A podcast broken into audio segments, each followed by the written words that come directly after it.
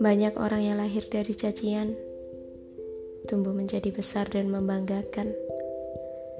Tapi juga tidak sedikit yang tumbang, jatuh, bahkan mati karena dicaci. Manusia itu nggak sama. Mereka punya kapasitas masing-masing.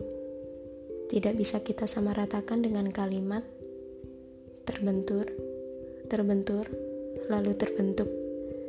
Sama halnya benda. Tingkat kelenturan suatu benda menentukan cara seseorang untuk membentuknya. Bagaimana membentuk besi, membentuk kaca, membentuk air, batu, kayu, dan lainnya. Harusnya kita sadar itu dari dulu, bahwa tidak semua benda bisa dibentuk dengan benturan ada yang dipahat, ada yang dibakar, ada yang dipotong. Begitupun hati dan mimpi seseorang. Ada yang semakin semangat karena dicaci, supaya bisa menunjukkan pada seseorang bahwa cacian mereka salah. Tapi ingat, ada satu jenis manusia lain yang berbeda, yang hancur dan patah di cacian pertama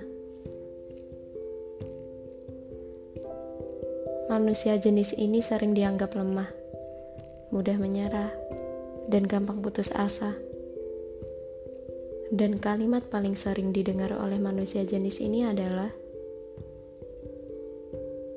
"Sepertinya kamu terlalu baper. Tolong dong kurangin bapernya." Kalimat yang sering didengar bahkan dari lingkungan pertemanannya sendiri. Hebat sekali memang manusia paling ahli dalam menyalahkan, membuat orang lain merasa paling hina di dunia. Yang seharusnya kita bantu, malah kita bantu beneran. Iya, kita membantunya menggali liang untuk mimpinya beristirahat dengan tenang. Kita membantu untuk mematikan hidupnya pelan-pelan. Tidak bisakah kita menjadi manusia yang menyenangkan, yang mendukung, mengkritik tapi membangun, yang bicara manis?